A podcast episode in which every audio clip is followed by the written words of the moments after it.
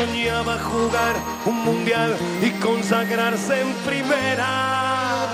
Tal vez jugando pudiera a su familia ayudar. ¡Grande Diego! Torque Lab. EAE Business School patrocina aquest espai. Les notícies sobre l'estat de Busquets són relativament tranquil·litzadores. Eh, després de veure l'abandonar el camp i al minut 3 ens temíem el pitjor, però eh, en tot cas, eh, les dues pròximes setmanes difícilment el veurem jugant amb el Barça i això fa que, Ricard Torquemada, bona tarda. Bona tarda. Ens preguntem amb compromisos un complicat i l'altre determinant, com són els de Villarreal i el del Manchester United, si creus que Xavi mm, farà com ahir, que no va ni dubtar, no s'ho va pensar ni un segon a l'hora de fer escalfar i fer entrar que sí. Home, fa aquesta sensació que és l'opció prioritària. Ja l'havia mostrat també als últims partits eh, com un dels canvis mm, inicials des del Metropolitano. Si, si recordeu que ens va sorprendre que jugués en moments de patiment eh, i que jo crec que va ajudar l'equip a sortir una mica de, del pou amb el seu desplegament, pressionar més a dalt, recuperar alguna pilota, que si ha estat en els plans de Xavi mm, a les segones parts. Per tant, jo crec que és l'opció ara que valora prioritàriament l'entrenador, sobretot pel que ens ha ensenyat, eh? i el que no m'atreviria a assegurar és que és l'única opció o que depenent del que vagi passant pugui valorar-ne d'altres. Perquè així de cop al vot se m'acut que l'opció que sí és situar que sí a prop de l'àrea rival, això que ara en diem a la banda alta del quadre, i endarrerir Pedri, i l'altra opció seria mantenir Pedri on és i, i col·locar Sergi Roberto al costat de, de, de Jong. Tens preferència per alguna de les dues? Seria molt diferent, molt ostensible el canvi d'una opció respecte a l'altra? Home, eh, tothom té les seves preferències. A mi m'agrada veure Pedri més a prop de l'àrea i crec que Sergi Roberto és un bon mig centre posicional i que, per tant, podria eh, funcionar perfectament aquesta alternativa, que Sergi Roberto eh, jugués on jugava Busquets, De Jong eh, al costat i Pedri i Gavi diríem que no s'haurien de moure del que estaven ensenyant. Aquí hi ha com una correlació de fitxes quan juga Kessier, perquè Pedri va més a la base, s'apropa de Jong, que no és tan posicional, eh, que sí apareix més a la zona entre línies, tot i que no apareix amb la freqüència o la assiduïtat de Pedri, sinó que és un jugador que trepitja més l'àrea, que es despenja més, que per un partit com el d'ahir contra un bloc baix jo crec que és interessant perquè com a mínim ocupa l'àrea com passa amb el primer gol. Eh, ell és conscient de les seves limitacions i no demana participar eh, eh, amb freqüència entre línies perquè li costa perfilar-se bé, li costa girar, li costa prendre decisions en espais reduïts, però també és un jugador que activa molt bé la pressió alta, que, que ajuda i que interfereix, intercepta moltes línies de passada, vull dir que també eh, ajuda a, a prop de l'àrea rival, encara que sigui amb una funció molt diferent que, que la de Pedri. Eh, a Sergio Roberto l'hem vist molt poc amb Xavi en el, al mig camp. El vam veure alguns minuts, crec que també al Metropolitano, si no m'equivoco, eh, com a mig centre, però jo diria que gairebé mai més i per tant fa la sensació que no és l'opció escollida o la preferida.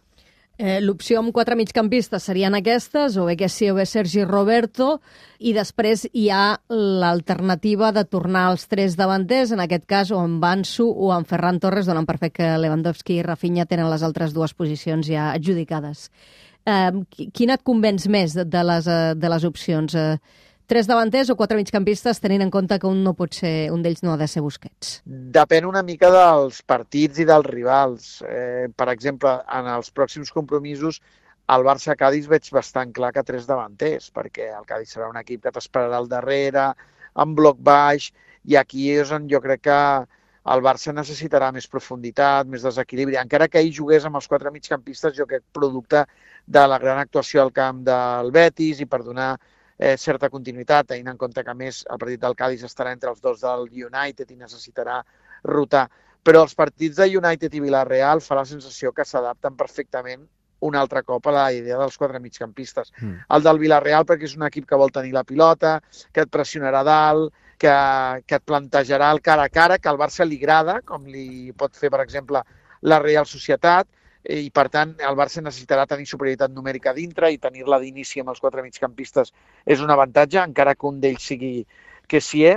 eh, i contra el United per la necessitat urgent de tenir un partit al teu ritme, no al seu, que el seu és un ritme molt més alt, amb més intensitat, més anada i tornada, intercanvi de cops.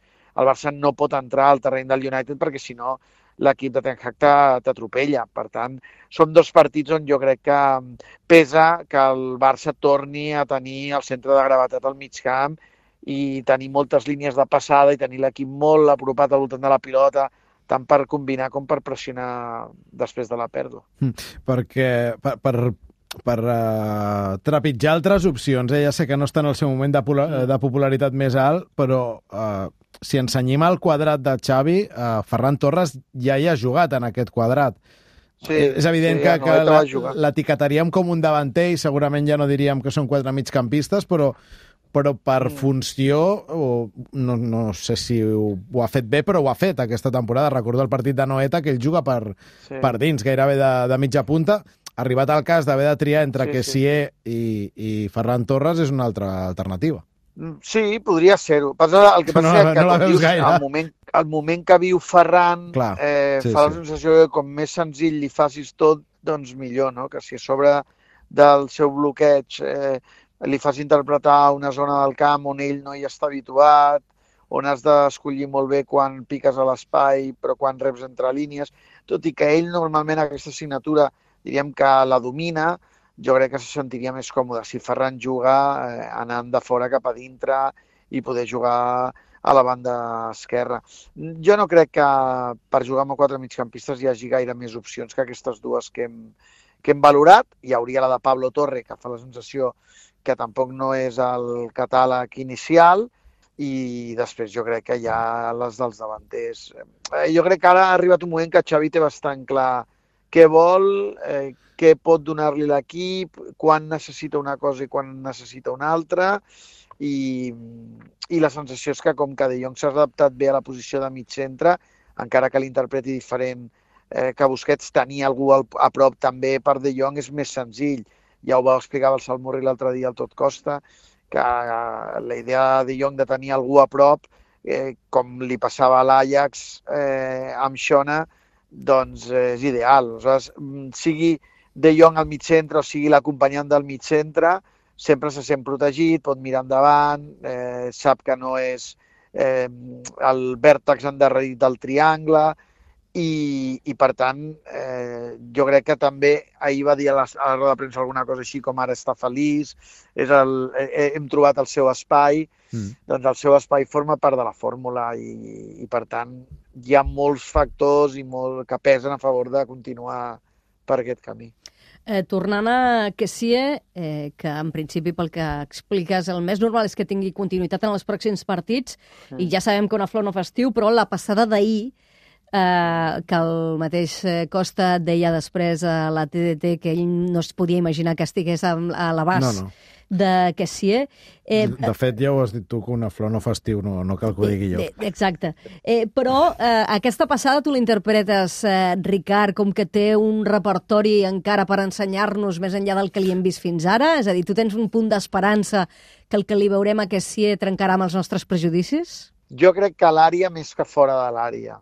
Jo uh -huh. crec que l'àrea ell no s'ha deixat anar com pot, eh, com pot fer-ho jo crec que és un futbolista que té, la, té, té una bona lectura dels últims metres. Eh, eh, el, que, el que sí jo crec que li costarà molt millorar i gairebé diríem que no ho veurem, és que entengui els espais entre línies, que es perfili bé, que pensi ràpid en aquesta zona on costa pensar. Ell simplifica molt el futbol, a ell li agrada arribar de cara, però ell és un jugador que acaba molt bé les accions. Jo crec que el que ensenya ahir el punt de penal, girant amb el revers i amb l'exterior fer la passada, que és un moviment encadenat que ell, eh, ell domina, perquè en el fons ell el que fa allà és girar i fer la passada que, que no pot escollir, sinó la passada que toca. És a dir, tal com gira, la pilota li queda a l'exterior i si veu aquesta passada perquè veu Alba de cara, no, no, no té on triar. O sigui, és una, és una acció d'instint, perquè als últims metres tu no pots pensar gaire,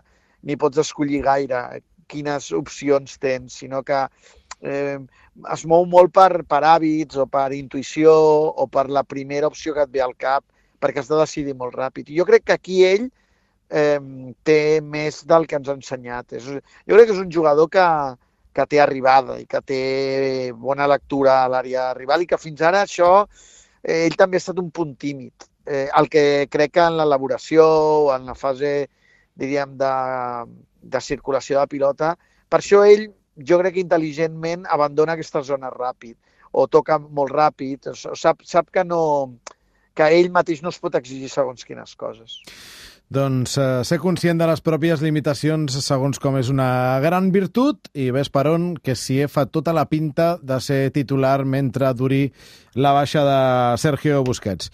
Ricard, gràcies, una abraçada. Igualment, adeu.